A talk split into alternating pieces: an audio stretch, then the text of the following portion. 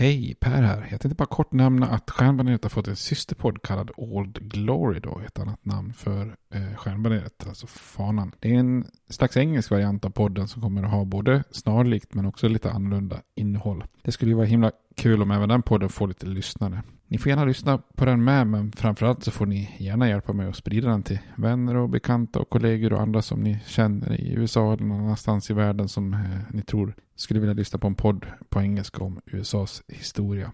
Tack, det var bara det jag ville säga. Nu kommer avsnittet. Hej då! Here's a cool fact. A crocodile can't stick out its tongue. Another cool fact, you can get short-term health insurance for a month or just under a year in some states. United Healthcare short term insurance plans are designed for people who are between jobs, coming off their parents' plan, or turning a side hustle into a full time gig. Underwritten by Golden Rule Insurance Company, they offer flexible, budget friendly coverage with access to a nationwide network of doctors and hospitals. Get more cool facts about United Healthcare short term plans at uh1.com.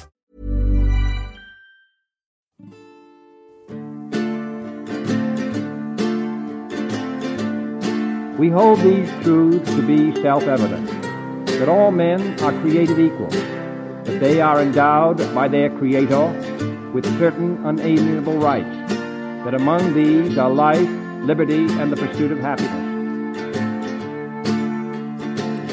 Now we are engaged in a great civil war, testing that government of the people, by the people, for the people, shall not perish from the earth. And so, my fellow Americans, ask not what your country can do for you, ask what you can do for your country. I have a dream. My four little children will one day live in a nation where they will not be judged by the color of their skin, but by the content of their character. Mr. Gorbachev, tear down this wall. I did not have sexual relations with that woman, Miss Lewinsky. Ja, då hälsar vi välkomna till eh, Stjärnpaneret, en podcast om USAs historia. Eh, och eh, som vanligt är det jag och vem har jag? Jag glömmer inte mig. Ja. Jag är här. jag är så koncentrerad nu för vi har haft någon så här, jag, jag kan inte hålla mig för skratt när vi ska köra. Så att, Nej, du har tappat det några gånger. Du var nära där, men du, Ja. du klarade det. Men du Robert är, eh, har kunnat behålla, behållit fattningen. Ja, Ja. jag med. Kanon. Allt bra. Ja, känns jättebra. Ja. Kul att träffas live igen och spela in. Det Ja, blir lite enklare när man ser varandra och eh, det kanske märks sen i avsnitten också. När man, det blir lite bättre interaktion tycker jag. ja, precis. Jo, men det är ju enklare. Och så tror jag ljudet blir bättre också. Ja. Särskilt, ja. Eh, förra avsnittet så hade vi ju en rejäl, massiv genomgång av Alexander Hamilton. Ja, verkligen. Eh, hela hans liv och hans gärning och Musikalen. massa saker. Det enda som vi inte gick igenom så noga var ju den konflikten med Aaron Burr och själva duellen och hans bortgång. Men det finns det ju ett eget avsnitt om som heter vicepresidenten som mördade. Så att där kan man ju få, det är nästan, nästan två avsnitt om Hamilton. ja, fast- precis. Det blir en väldig genomgång. Ja, Från två olika perspektiv egentligen. ja. Och så hade vi ju med oss eh, Viktor och Erik, gäster för första gången. Ja, vi kallade in lite extra förstärkning. Ja, riktigt trevligt. Eh, Det blev jättebra tycker jag. Ja, jag har hört mycket uppskattat om det. Så Mm. det var ju kanon. Jag, jag varit väldigt förvånad när du hade vaskats fram Hamilton i din umgängeskrets. Ja. Hamilton-expert i min umgängeskrets. Jag tänkte, ja, ja, det skämtar du med? Men det var ju klockrent. Alltså. Ja. De kunde ju jättemycket om musikalen och Hamilton. Så att, Ja, det blir kul. Det blir lite omväxling också med att vara fler än bara du och jag. ja, precis. Och så var ju vi helt kassa på örtips. Så där räddade ju de upp oss också. Ja, så det var ju riktigt bra faktiskt. Eh, Men vi tänkte göra något liknande idag och eh, fokusera på eh, John Adams då. Mm. Eh, Men eh, vi tänkte också fokusera på hans fru som är väldigt intressant, Abigail. Så att det blir egentligen paret Adams vi pratar om idag då. Eh, och om man tittar på John Adams så är han ju en väldigt central figur under hela revolutionen då. Och den här federalistiska eran då fram till 1800 som vi precis har gått igenom då i, i översiktsserien. För han är ju med hela vägen från protesterna i Massachusetts med de här Boston-massakern, Boston Tea Party. Han är med i den här kontinentala kongressen som förklarar självständigheten. Det är han som eh, sekunderar förslaget för självständighet. Det är han som föreslår Washington som general till exempel. Eh, han är också sen med då i fredsförhandlingarna eh, efter frihetskriget. Han är eh, med och skriver Massachusetts konstitution och så vidare. Och sen gör han då åtta år som vicepresident och fyra år som president. Så det är ju ett ganska, ganska fett CV om man säger så. För Ja. att vara amerikansk revolutionär och statsman om man säger så.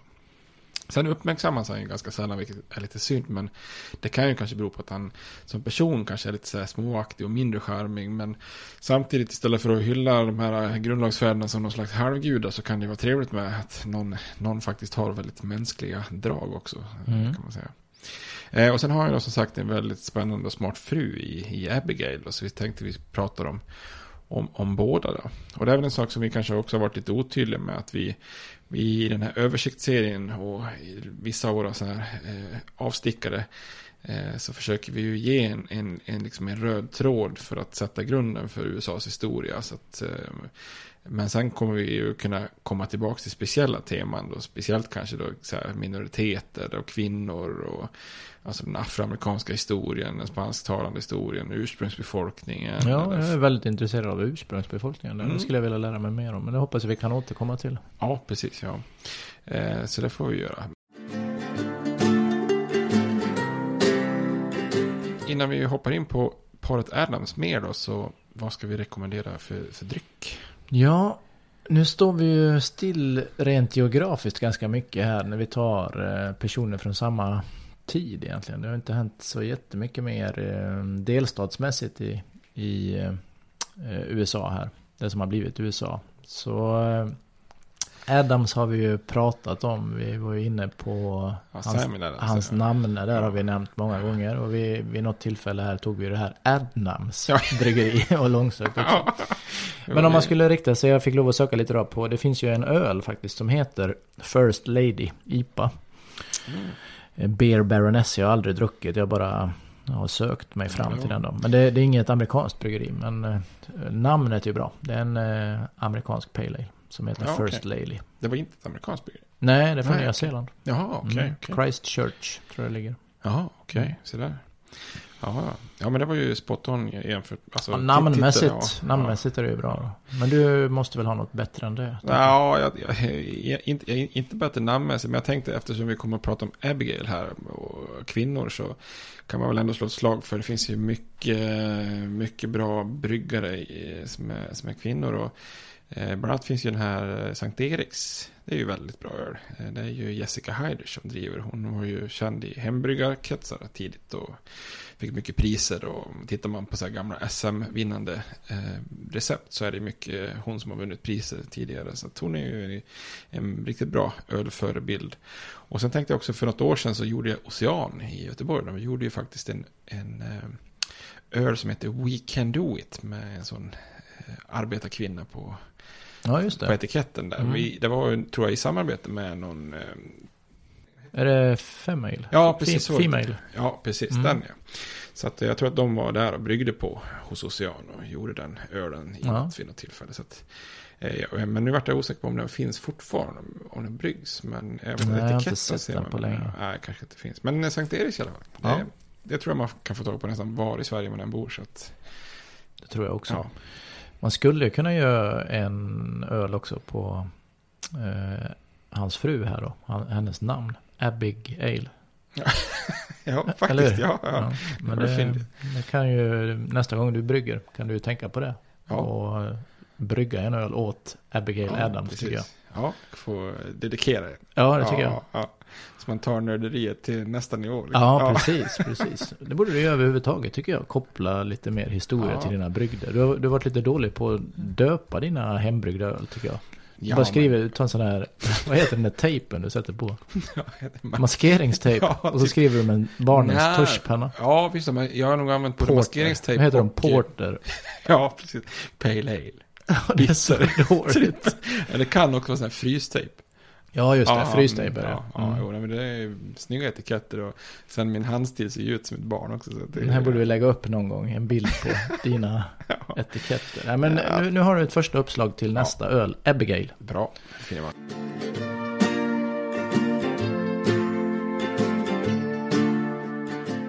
Men du ska börja med Abigails eh, man då, tänker jag.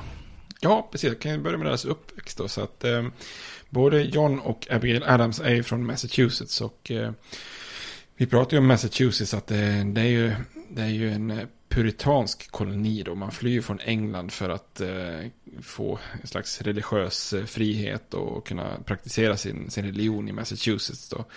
Och eh, de första som kommer till Massachusetts är ju de som kommer till det här Plymouth som är, som är de här pilgrimerna.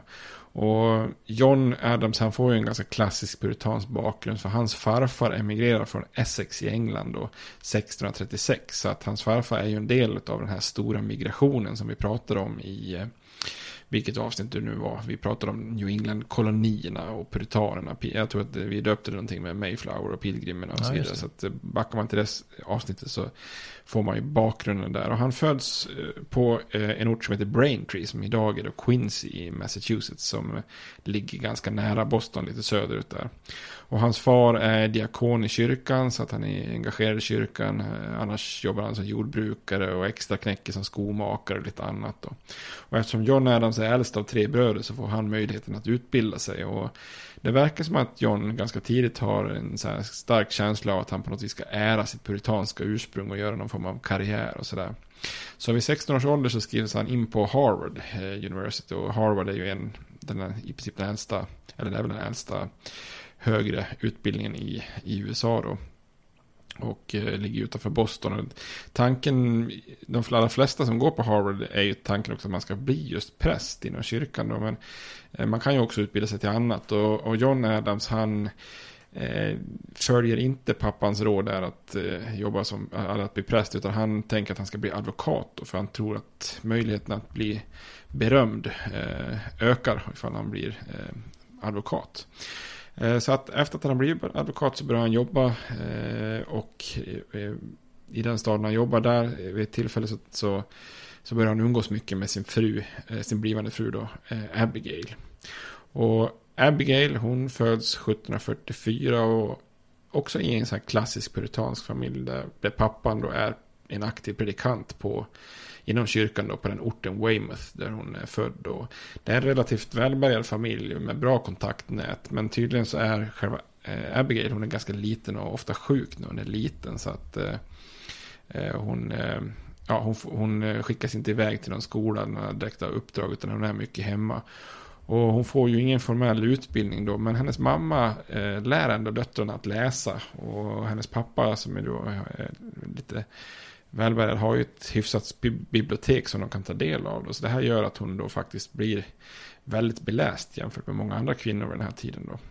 Och John och Abigail, de är faktiskt släkt. Jag kommer inte ihåg exakt på vilket sätt. Och det är inte så nära. Men de, de, de har släktband och de känner varandra sedan de är små. Då. Eh, och när de träffas så är lite äldre då så blir de kära i varandra. Och, och när man följer deras brevväxling och liksom så genom utkast där så verkar det som att, eller de som har följt brevväxlingen och de, de få grejerna som jag själv har läst. Så det verkar som att den här relationen är väldigt kärleksfull. Att de är, är... Det är inte bara, man fick känslan av att det skulle vara arrangerat då? Nej, utan det, jag tror till och med att någon av föräldrarna är lite emot deras äktenskap från början. Men sen ger de med sig. Och det är för att de själva är väldigt kära i varandra. Och det verkar hålla i sig livet ut då. Så 1764 så gifter de sig och eh, hennes, äh, Abigails pappa håller i vigseln. Och så bosätter de sig då i ett litet hus på, när hans, på, på Johns födelseort Braintree då. Och eh, tillsammans så får de sex barn, tre döttrar och tre söner då. Men som vanligt vid den här tiden så är det ganska tufft för små barn. Så att en dotter föds vid, eller dör vid födseln och en dör när hon är ett år. Eh, och ett år gamla då. Eh, så fyra barn växer upp och blir vuxna. Men två av sönerna de misslyckas med sina karriärer och blir alkoholister. Och dör då relativt tidigt. Vilket blir lite av en sorg för både John och, Abigail då. Men de kanske kompenseras för den äldsta sonen då, John Quincy. Han gör faktiskt en fantastisk karriär och eh, han, det slutar ju med att han då blir eh, president i USA. Han blir landets sjätte president. Så han kommer vi definitivt att prata eh, mer om framöver då. Det är ju egentligen bara John Adams och John Quincy Adams som har varit så far och son på presidentposten förutom eh, ett par till. Då.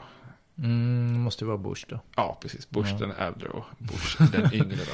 Gud, jag höll på. Jag tänkte, Jo. vilka kan det vara? Vilka kan det så jag på, det måste vara. George H och George W. Ja, och det kan bli möjligtvis i framtiden då en till Bush där eller? Jeb är väl, Skulle vara om Jeb ger sig in i det någon gång till där. Det kan man ju fundera jag vet på. inte hur gammal han är. För sig, ålder verkar inte vara en faktor här. Nej, det, var- det var ju väldigt hysteri kring det här med sjukhusintyg och läkarutlåtanden och Ja. grejer och sådär. Men det, nej, jag tror inte ålder är sådär jätte, jättestor issue. Det var ju där när Reagan vart vald. Han var ju ganska till åren då. Så Mm. han gjorde ju en skojig grej av det istället. Han, han sa ju vid tillfälle att han kommer inte att att göra age an issue in this campaign. Och då menar jag att han inte skulle prata om sin motståndares oerfarenhet och unga ålder. Så haha, det har varit jätteroligt. Så. Eh, Så att, eh, nej, men jag får se. Eh, Han vart ju ganska kritiserad för att han inte drev en jättebra kampanj direkt och var speciellt eh, framgångsrik där. Jeb. Vad fick han för öknamn av eh, Trump? Ihåg det? ja, vänta, det var, jo, low energy Jeb. ja, det var väl just för att han var så, eh, att han inte gav någon direkt energi där. Så att, ja, ja. Är det något han är bra på, Trump, så är det de där. Ja, verkligen. Det kan han.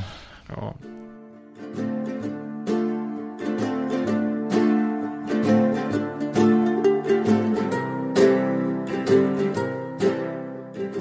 Ja, tillbaks till Adams här va?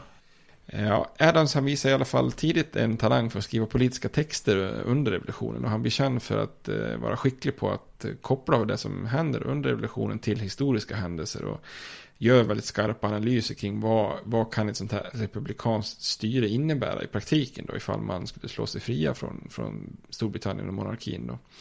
Eh, och under revolutionens första år så är han såklart inte riktigt lika känd och framstående som sin kusin då Samuel Adams eller de andra revolutionärerna i Massachusetts. Det finns ju två väldigt kända revolutionärer där som heter John Otis och John Hancock. Jag tror att till och med att John Hancocks någon släkting är gift med någon annan av Abigails systrar eller någonting på den stilen.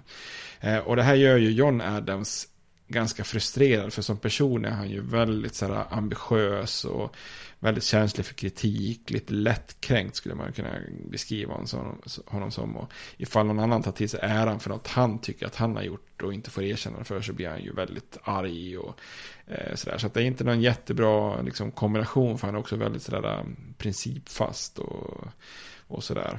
Eh, och ett bra exempel på det här att han är så extremt principfast är ju också att han efter den här Boston-massakern som vi pratade om, när några brittiska soldater öppnar eld mot en folkmassa där så, och några, några amerikaner dör så eh, då ställs ju de här soldaterna inför rätta och då eh, rycker ju John Adams in som försvarsadvokat för de brittiska soldaterna då. Och det är ju, får han ju utstå väldigt mycket kritik för bland de andra revolutionärerna medan han själv tycker ju att det är en viktig princip att oavsett om du Oavsett vem du är så har du rätt till, till ett försvar. Då. Mm. Typiskt liksom eh, rättsstat och, och så. Så att där går hans principfasthet eh, ut över hans eh, rykte lite grann då.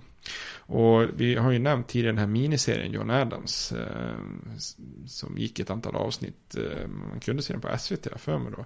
Och där så spelas han ju av den här skådisen Paul Giamatti. Som eh, jag tycker fångar John Adams på ett fantastiskt sätt. Just det här. eh, Som du tänker att han var. då. Ja, precis som Ja. man har liksom fått beskriven Mm. att han är då. Det är väldigt så här principfast, lätt brusar upp och blir arg och sådär. Och, eh, nej, det är väldigt bra. Han är ju en bra skådis tycker jag. Han är ju med i den här filmen Sideways. Det är ju en fa- Ja. fantastisk film. Eh, Det känns som en sån här lite bortglömd, eh, nästan som en B-klassiker på något sätt. och, ja, precis. Men den fick väl ganska bra Ja, uppmärksamhet. kanske den kom. Eller jag inte fick. Ja, det, man har inte talat om den, men det var ju en fantastisk film. Väldigt bra film. Ja. Eh, och sen är ju med den här Billions, den här serien där, som en åklagare. Ja, jag tror om det är säsong två som precis har släppts till den. Eller om det Mm. är en säsong till, senare. Jag började titta på säsong ett. Men jag är lite dålig på att liksom fullfölja serier. Ja, okej. ja. Men han är en bra skådespelare. ja, verkligen. Väldigt bra. Han är också manager i Straight Outta Compton. Den eh, dokumentären, eller vad man ska, inte dokumentär, men filmen om NWA, rapgruppen. Ja, den har jag inte sett än. Jag har den lagrad så att säga. Jag spelade in den på min TiVo. så jag har inte fått min fru än att vilja se den. Men Nej, den nej. finns där. Men där är han med alltså också. Ja, han är ju managern som Ja. blåser dem på lite pengar där. Alltså. Ja, lite spoiler alert. Men, ja. Men eh, nej, eh, den filmen, jag ska ju se den själv kanske. Ja. Det är inte en jättebra film. Men har man lyssnat mycket på eh, NWA så är det ju trevligt att se filmen ändå. Ja. Ja.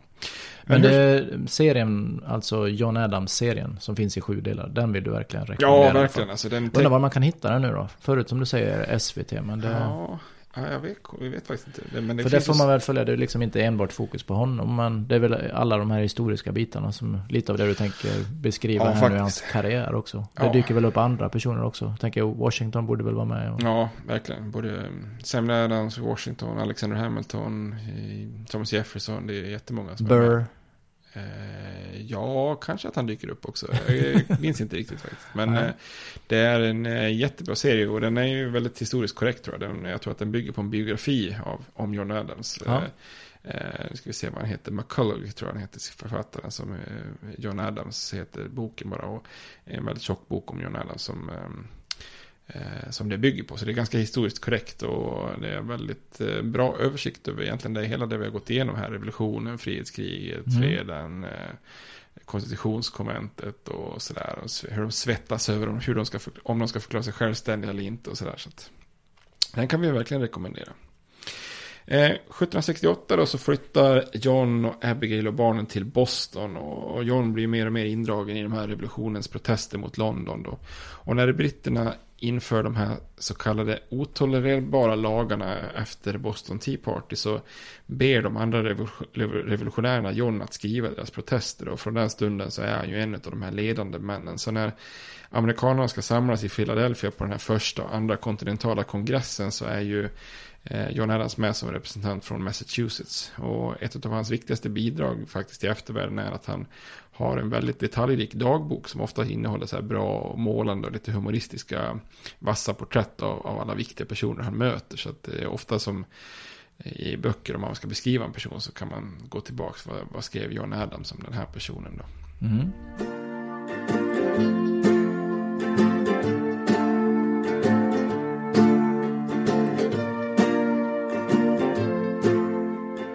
Du nämnde tidigare här också att han var med Eh, och skrev självständighetsförklaringen här. Eh, hur, eh, hur delaktig var han i den då? Eller hur, vad hade han för roll? Ja, han har ju en, väldigt, väldigt viktig roll där. Därför att det är ju eh, de här delegaterna från Massachusetts då, med John Adams i spetsen. Och eh, delegaterna från Virginia, eh, där han bland annat lär känna då Thomas Jefferson från Virginia som, och blir goda, god vän med honom då. Det är ju de delegaterna som verkligen driver på det här mot självständigheten då. Eh, och eh, så när Virginias Richard Henry Lee eh, föreslår att man ska förklara sig självständiga så är det Adams som, som sekunderar det förslaget och ställer sig bakom det.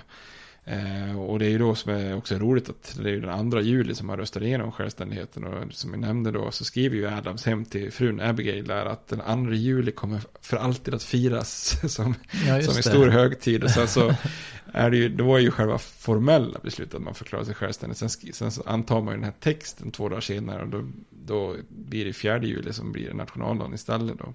Men han är ju utsedd till den kommittén på fem män som utses för att skriva självständighetsförklaringen. Eh, och det är ju Thomas Jefferson som skriver det första utkastet och eh, det är ju han som framförallt är känd för självständighetsförklaringen. Men ska man vara helt ärlig så är det ju så att han skriver ett utkast som sen den här lilla gruppen eh, justerar lite grann då. Och sen så justerar kongressen den slutliga texten. Så att det är en del så grejer som stryks och formuleras om. Så att eh, men det är ändå Thomas Jefferson som är känd för det här. Men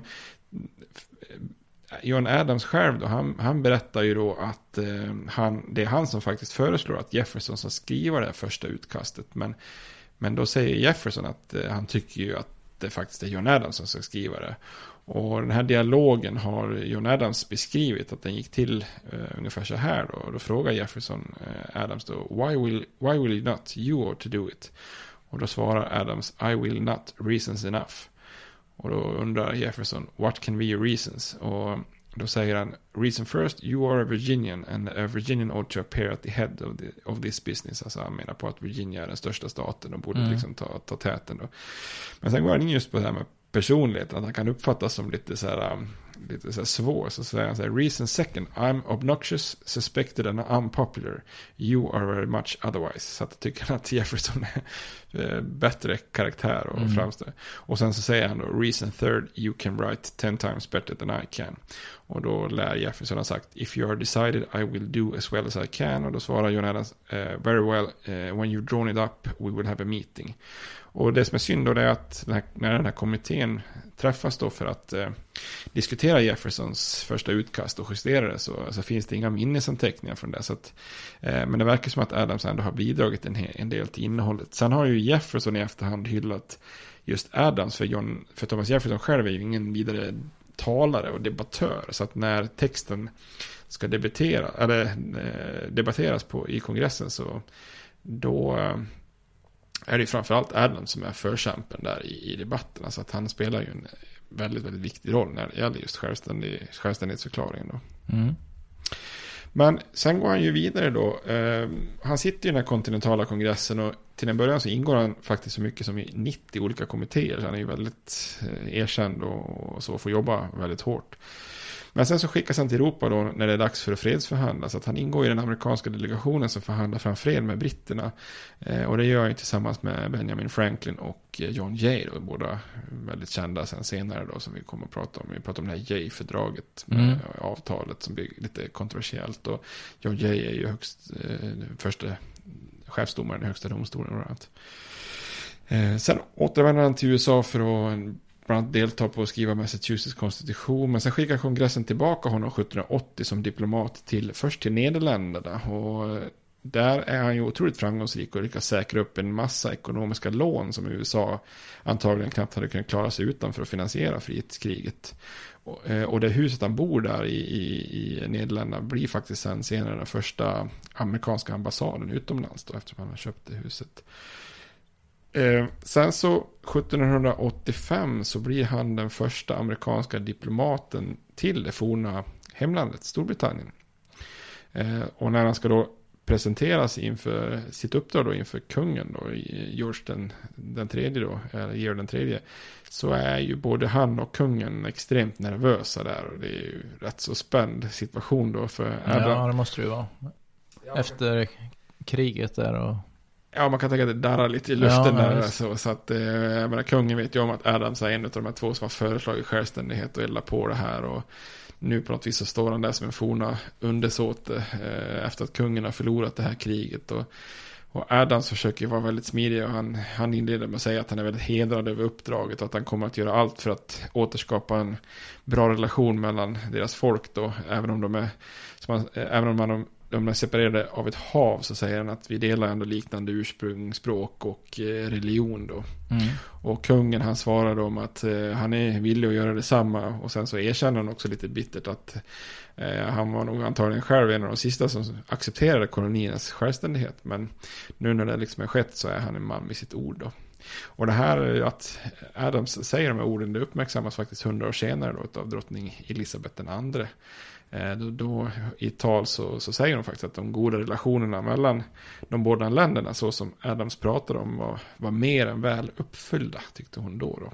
Mm. Eh, Jag kan reflektera över nu, nuläget, det kanske är lite mer spänt där. Först med de här Ja. Obamas avlyssningar och sen så var det ju väldigt eh, mycket konflikt, eller kontrovers här ifall Trump skulle göra ett statsbesök eller inte. Liksom. Ja, precis. De försökte få till att han inte skulle komma Ja, där va? och så tror jag att han ställde in det va? Eller, ja, jag har inte det? riktigt koll Ja. på hur det blev med det där. Om det kom något annat emellan. Ja, han hittar säkert på någon orsak att ställa in det så att säga. Men det senaste där är väl eh, den här gift, eh, förgiftningsskandalen också. Den eh, forne spionen där och Ja, precis. Ja. dottern som blev förgiftade. Ja, Och då gick väl Rex Tillerson ut och fördömde på något sätt va? Och dagen Ja. efter så blev han sparkad av Trump. You're out. Ja, Ja ja, så kan det gå. ja.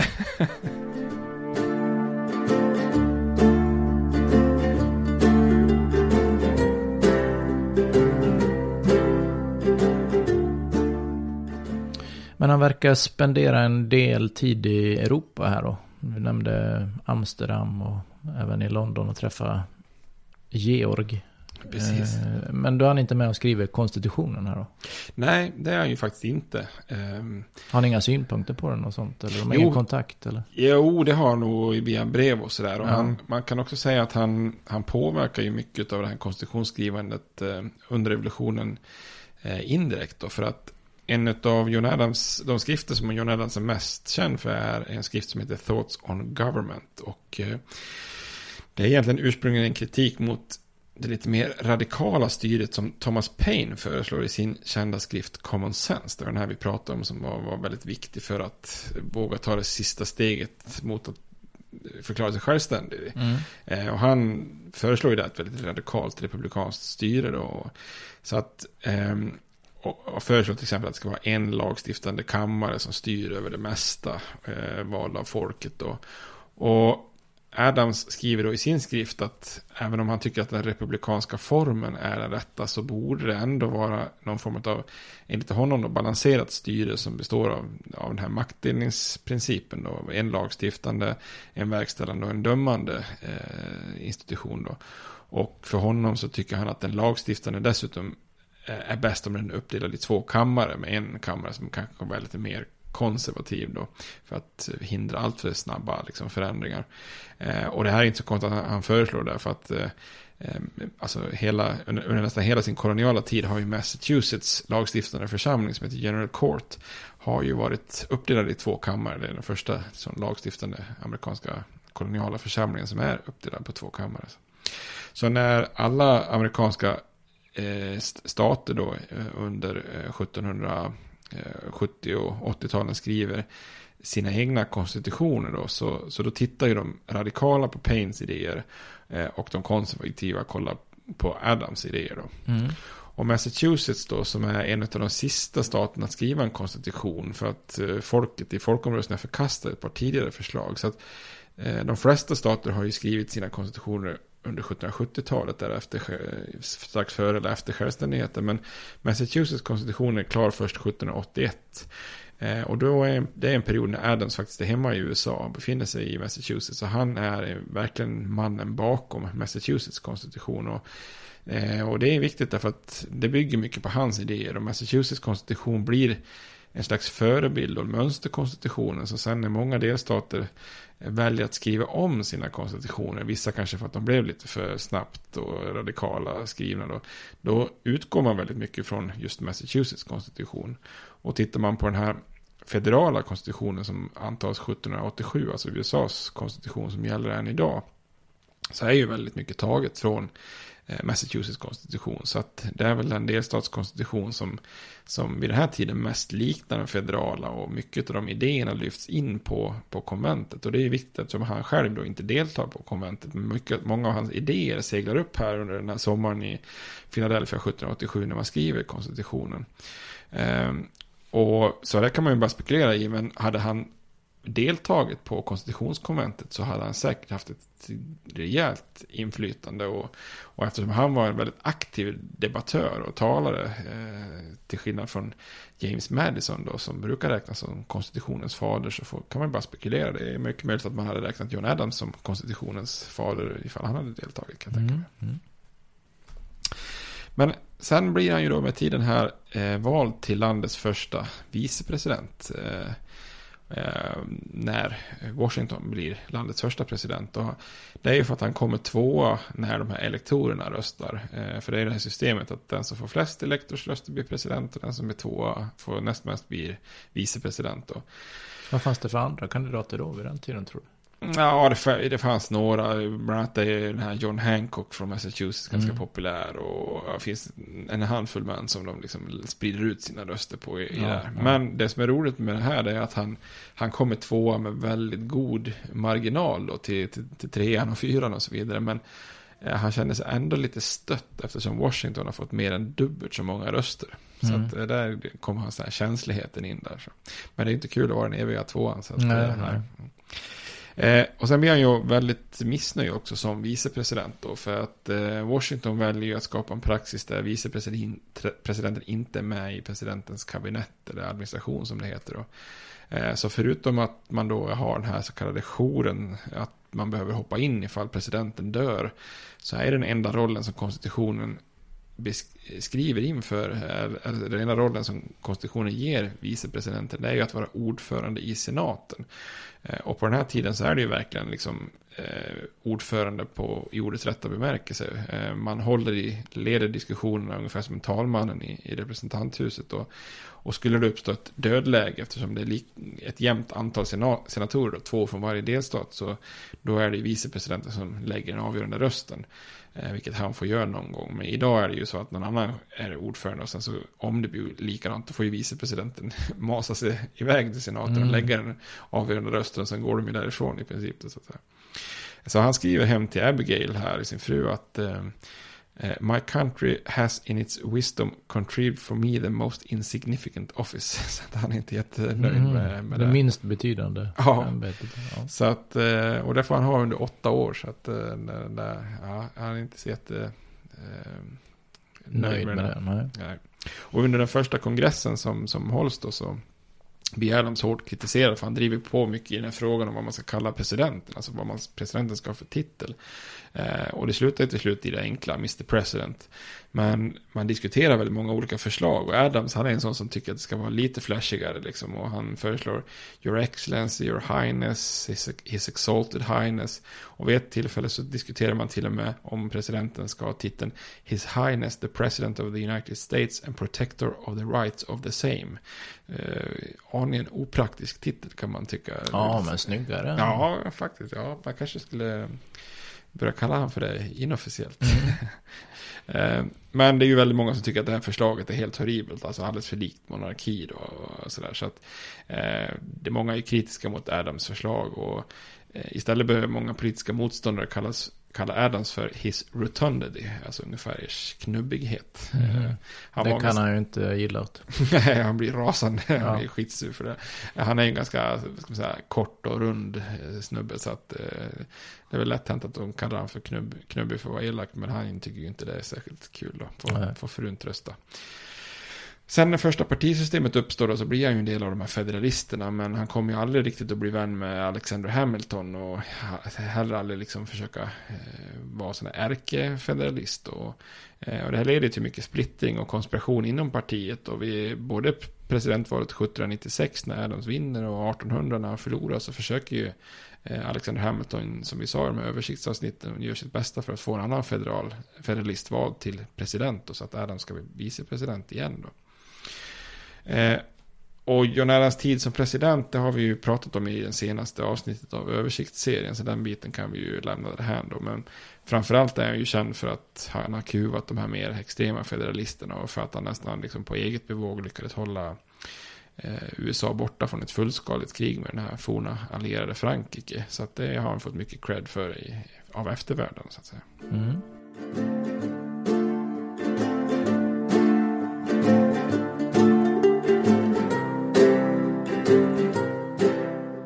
Har det blivit mycket om eh, John Adams här, men vi, eh, vi du har utlovat också att mm, ta historien om Abigail. Abigail, ja. ja. Jo, vi ska prata mer om Ale, som jag kallar henne från och med nu. Eh, hon är ju under, under John Adams liv, så är ju Abigail hans, främ, hennes, eller hans främsta rådgivare och, och bundsförvant. Och hon brukar ju beskrivas som klipsk, humoristisk, varmhjärtad. Eh, så den här klipskheten och smartheten har de ju gemensamt. Men annars kanske de var ganska stora kontraster här. Där hon är den här lugna personen medan han lätt brusar upp och så vidare. Och de är ju väldigt duktiga på att brevväxla. Och ganska ofta så bor de ju på olika ställen. När till exempel Adams är i Philadelphia på den kontinentala kongressen så är hon hemma i Massachusetts och tar hand om barn och, och gård och så vidare. Och alla de här brevväxlingarna är ju väldigt eh, Eh, är ju välkända och det gör ju att hon också eh, är en av de absolut mest dokumenterade presidentfruarna. Och man märker då att Adams frågar henne ofta om råd och deras diskussioner om politik och statsskick och annat är ju oerhört intellektuella då. Så så här i efterhand så brukar många räkna henne som en så kallad founder of the United States. Alltså ungefär som man säger founding fathers så ska man kan säga founding mothers. Mm. Att, att hon får lite cred för att hon faktiskt har genom att påverka John också påverkat en hel del. Då. Och just det här med att hon är så insatt och, och intellektuell är ju en bedrift i sig då eftersom det är ju inte riktigt kvinnornas roll på den här tiden då. Men som vi nämnde, hon fick ju lite utbildning där som... Ja, men det är starkt att bara vara hemskolad och ändå Mm. mm. kunna ta till sig så mycket och lära sig läsa. Det måste ju vara ganska svåra skrifter. Jag tänker det är inte, det fanns inte så mycket barnböcker på den här tiden att starta i. Nej, nej, det är inte så här Revolution for Dummies. Nej. eller, eh, Republic for Dummies liksom. Eh, och ehm, under den här, under revolutionen så påminner hon John, sin man, gång på gång om just kvinnornas roll. Så att eh, hon är en, en av de första förkämparna för kvinnliga rättigheter. För hon inser, eller inser, hon ansåg ju då att eh, kvinnor kan inte bara vara någon slags bihang och kompanjon till sina män. Utan hon tycker att eh, kvinnor ska eh, ska liksom ha mer, mer rättigheter och större möjligheter. Så hon är en stark förespråkare att även gifta kvinnor ska få äga saker, alltså ha äganderätt, vilket man inte får då. Och, ehm, och hon vill också att kvinnor ska få större möjligheter i livet och framförallt vurmar hon ju för att man ska få tillgång till just utbildning då. Och ett sånt här 1776 så skriver hon några rader i ett brev till, till John Adams när han är i kongressen. Och, eh, ett, eh, den första raden brukar ofta citeras när hon säger Remember the ladies. Men eh, det är en ganska bra skrift om man läser hela, hela den här. Då. Då, då märker man verkligen hur hon står upp för kvinnors rättigheter. Så hon, hon skriver till John så här då. Remember the ladies and be more generous and favorable to them than your ancestors. Do not put such unlimited power into the hands of the husbands. Remember, all men would be tyrants if they could. If particular care and attention is not paid to the ladies, we are determined to foment a rebellion and will not hold ourselves bound by any laws in which we have no voice or representation. Det är ju bra. Ja. Eh, Så det är lite så här, det är lite insiktsfullt att det finns en paradox i att själva protestera så otroligt mycket för no taxation without representation och så vidare. Men sen, samtidigt så bara skiter man i kvinnorna liksom. Och hon menar på att ja, varför ska vi känna oss bundna av lagar då som inte vi har varit med då? Kraftfullt där. Undrar om det där är med i serien. Om man, någon eh, skådespelare läser upp det här. Jag kommer inte ihåg det, men det alltså har de... Det skulle ju funka menar jag. Det var Ja, ju verkligen. otroligt kraftfullt. de, eh, det är ju så pass känt så det jag kommer inte ihåg men det borde ju vara, det borde man utnyttja till Ja, serien, verkligen. Ja. Sen är hon dessutom en stark slaverimotståndare också så att eh, det är ju nästan så att hon tvivlar på slavstaterna under revolutionen här för att hon hon kan inte se hur man kan kombinera den här friheten för vita män med den här samtida brutala hanteringen av sina slavar. Alltså att dubbelmoralen blir så, blir så ohållbart uppenbar. Så hon ger ju till och med John då rådet att vara lite försiktig och på din vakt liksom, när du har med södern att göra. För att det här, det här känns ju verkligen konstigt på något vis.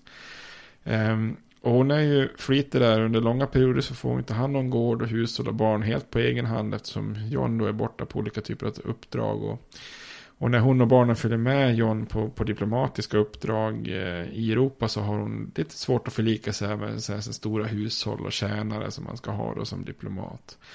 Eh, så det känns ju lite modernt på något vis. Eh, Ja, det får man säga kanske inte hade varit så förtjust i så städhjälp och rutbidrag idag. Kanske. Jag vet Nej. Inte, ja. Eh, Eftersom John då blir vicepresident och sen president. Det innebär ju också att Abigail blir först second lady och sen även då first lady. Det är ju inga begrepp som fanns på den här tiden, men Nej. idag säger man ju så.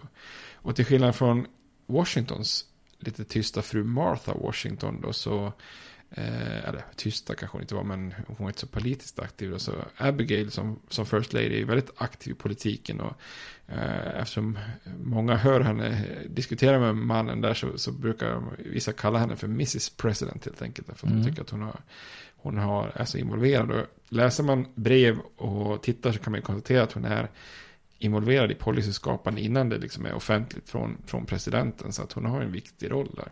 Ja.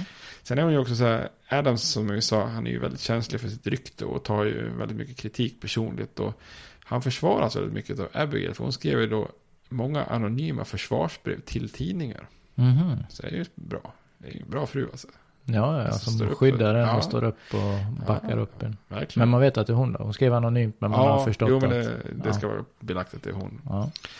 Eh, sen är det ju också John och Abigail de första som flyttar in i det nya President's House, alltså Vita huset i den nya staden då, Washington. Mm. eh, och de hinner bo där typ tre månader innan, innan Jefferson vinner valet och tar över efter, efter Adams då. Eh, När är vi framme då? Är det 1800? Ja, precis, precis. In, där. Och eh, vid sekelskiftet. Och det sägs att hon vid något tillfälle fick hugga ved själv för att hålla Vita huset då eh, uppvärmt. Och att hon också hängde tvätt i det som är East Room, där man idag har ceremonier, det största rummet. Så att, mm. då får man lite perspektiv på hur enkelt det var på den här tiden. Eh, men man har ju, det är ju spännande med Abigail, för det är svårt att se att han, John hade kunnat haft den här karriären om han inte liksom hade haft Abigail som har stöttat honom och dämpat hans humör och lindrat kritiken och försvarat honom när han varit, eh, kände sig känsligt utsatt och så vidare. Så hon är ju den här liksom mer lugnade, sansade av de här två. Eh, och jag tycker också hon porträtteras väldigt bra i den här miniserien John Adams, där hon spelas av Laura Linney, som ju är med i Truman Show. Eh, frun mm. till, eh, till Truman. Eh, Jim Carrey. Jim Carrey, just mm. det. Och sen är hon ju även med i Love actually. Okej. Okay. Den, den går ju typ varje jul. Eller ja, det kan man räkna med. Ja, precis. Den kommer varje jul. Ja. Ja, du missar, inte, du missar väl inte att jag rekommenderade Die Hard här häromdagen? Hur många gånger har den gått? jag kommer inte ihåg vilken, num vilken nummer av filmerna. Är det tvåan? Trean? Det, här var, det här var tvåan som gick tror jag. Ja. Hämningslöst. Ja. Die Hard hämningslöst. Ja. dåligt. ja, verkligen. Ja, jag rekommenderar det som en ny film till dig. Ja. Det här blev verkligen ett sidospår nu. Ja, eh, jag får kanske klippa det.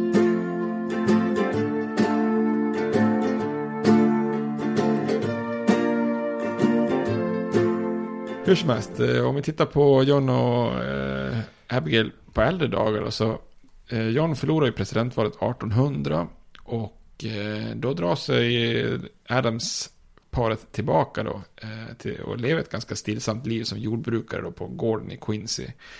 Eh, och Adams han drar sig tillbaka så mycket så han till och med är väldigt sällan kritisk mot Jeffersons presidentskap. Även om de två då bröt som vänner och var väldigt, eh, ja, det var väldigt hett liksom emellan dem. Och mm. politiskt stod de för väldigt olika saker. Då, men han, han ligger ganska lågt där under Jeffersons presidentskap.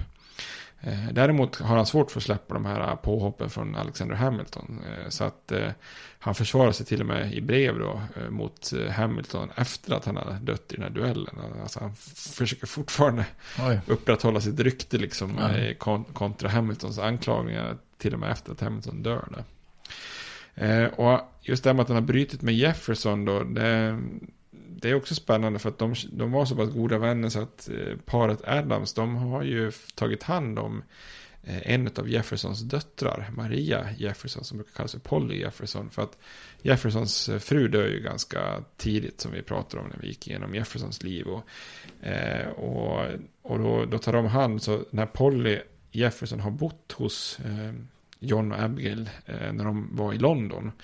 Eh, så att hon har nästan blivit som en slags extra dotter då. De som någon slags extra föräldrar till henne då. Eh, men hon dör då tragiskt 1804. Eh, och då skriver Abigail ett brev till Jefferson. Trots att hon ju är ganska arg på att Jefferson har uttryckt sig elakt. Mm. Och att de har brutit kontrakten han och John då. Eh, men hon återupptar det här brevskrivandet. Men det dröjer bara några få brev fram och tillbaka så blir de osams över politik. Och då slutar Jefferson skriva och då slutar Abigail skriva. Så det är känsligt liksom. De ja. Nära att få tillbaka kontakten där. Eh, så då. Eh, och sen så drabbas ju drabbas man ju av sorg vid, vid några tillfällen. Vi sa de här barnen som dör, dör ungt då. och, och sen får ju då får de ju se sin sina söner, två av sina söner blir alkoholiserade. En dör ju precis där runt sekelskiftet 1800. Och sen 1818 så drabbas ju John av sorg för då, då dör Abigail. I, hon får tyfoidfeber. Mm. Jag vet inte riktigt vad tyfoidfeber är, men det är många som dör av det på, på den här tiden.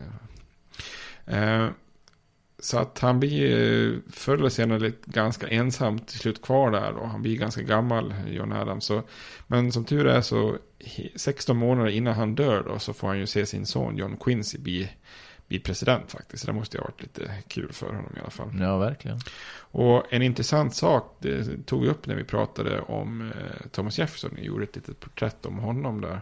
Eh, att de var ju som sagt först väldigt goda vänner och sen bryter man då. Men 1812 Eh, Eh, så återupptar eh, man brevväxlingen då. Eh, man har en gemensam vän, Benjamin Rush, som också är lite mer okänd. Han var också med och skrev under självständighetsförklaringen. Men den här Benjamin Rush, är vän med både Jefferson och Adams. Så han lyckas få dem till slut att ja, men, skicka något brev. Liksom sådär.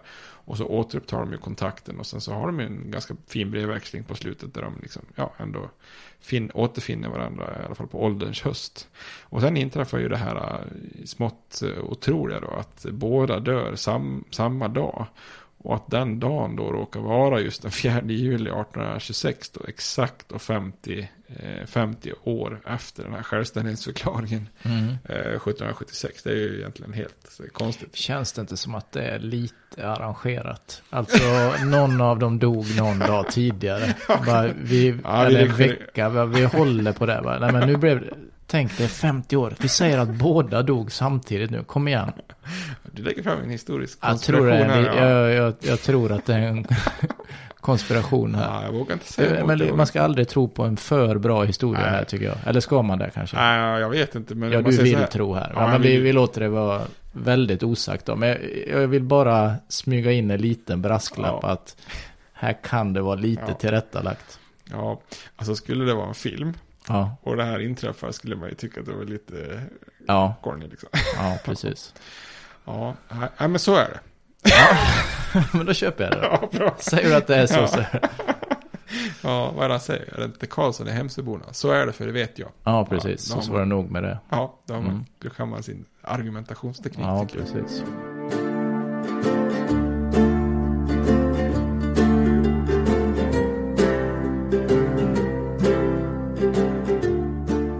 Så, men då har vi, då har vi tagit livet av Adams.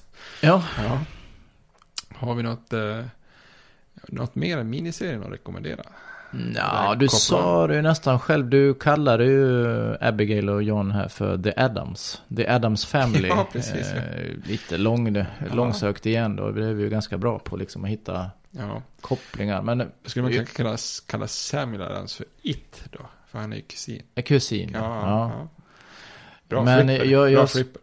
ja, det är det jag tänkte säga. Ja. Flipper är ju det man kommer ihåg. Jag tycker det har gjorts, det fanns ju en serie då, det måste ju varit på 50-60-talet någon gång. En svartvit serie var det. Första ja, förlagan.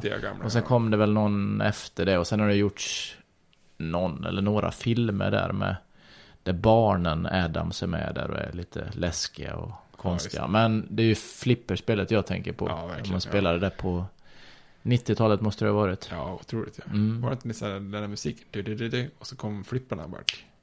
Jo, Så, precis. ja. De slog sådär. Ja. coolt ja. Skulle jag välja ett flipper att äga och ha hemma så skulle det vara eh, The Adams Family.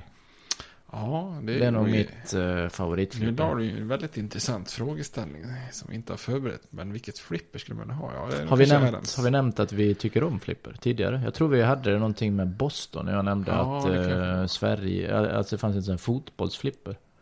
Ja, just det, just det. Ja, men Ja. det nämnde du, ja. Jo, men det har ju funnits många. Jag tyckte ju om det här Star Trek. Eh, var ju bra. Jag- Även om jag inte tycker om Star Trek så tycker jag flippet var väldigt bra.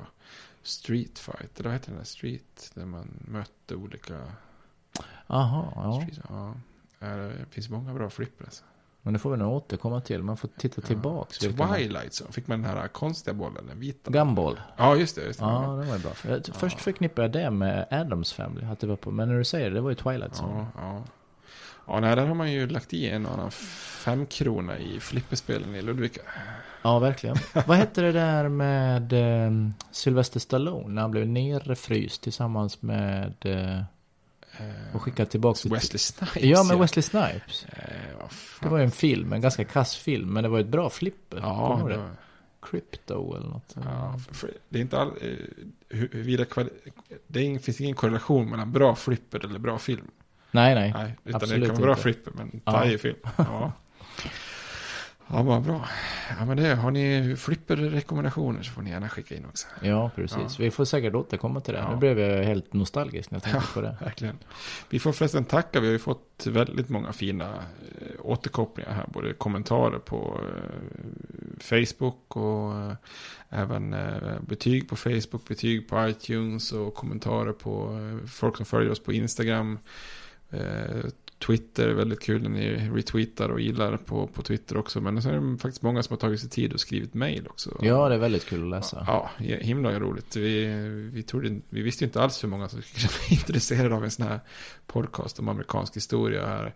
Eh, frågar man mig så tycker jag vi skummar på ytan. Men jag förstår ju också att många tycker att det är ganska detaljerat också. Sådär. Men det är ju så, alltså, amerikansk historia är full av mycket spännande historier. Och det verkar som att många uppskattar det. Så, så fort ni det har varit många som har varit väldigt snälla, vi har fått mycket snälla ord, så vi får tacka så hemskt mycket för det. Det känns Ja, och fortsätt gärna med eh, rekommendationer också på både serier och kopplingar och ställ gärna frågor om det är något som har varit oklart i programmen eller ja, ge oss förslag på, på vad vi ska ta upp här framöver. Ja, vi, vi, tänkte väl fortsätta med den här podden eller? Vad ja, precis. Det vill och, du väl? Ja, det tycker jag. Jajamän. Ja. Bra. Men eh, utöver det tror jag inte vi har så mycket om Adams. Jag tror Nej. vi får nöja oss där med John och Abigail. Ja. Eller? Vill du lägga till något? Nej, jag tycker vi klarat ut dem bra. Ja. Det är ju en eh, karaktär som, eller karaktär, en person som eh, kanske inte får så mycket uppmärksamhet, som eh, ändå förtjänar mycket uppmärksamhet, men kanske alltid brukar stå i skuggan av Washington och Jefferson och mm. kanske även Hamilton. Så att eh, det känns ju bra att vi uppmärksammade både John och Abigail här. Mm. Mm. Bra, men då får vi önska en trevlig dag. Ja, tack. Ja, tack. Hej. Hej. States like these and their terrorist allies constitute an axis of evil. And if the hippies and the yippies and the disruptors of the systems that Washington and Lincoln as presidents brought forth in this country will shut up and work within our free system of government, I will lower my voice. If the impeachment provision in the Constitution of the United States will not reach the offenses charged here, then perhaps that 18th century Constitution should be abandoned to a 20th century paper shredder. Therefore, I shall resign the presidency effective at noon tomorrow.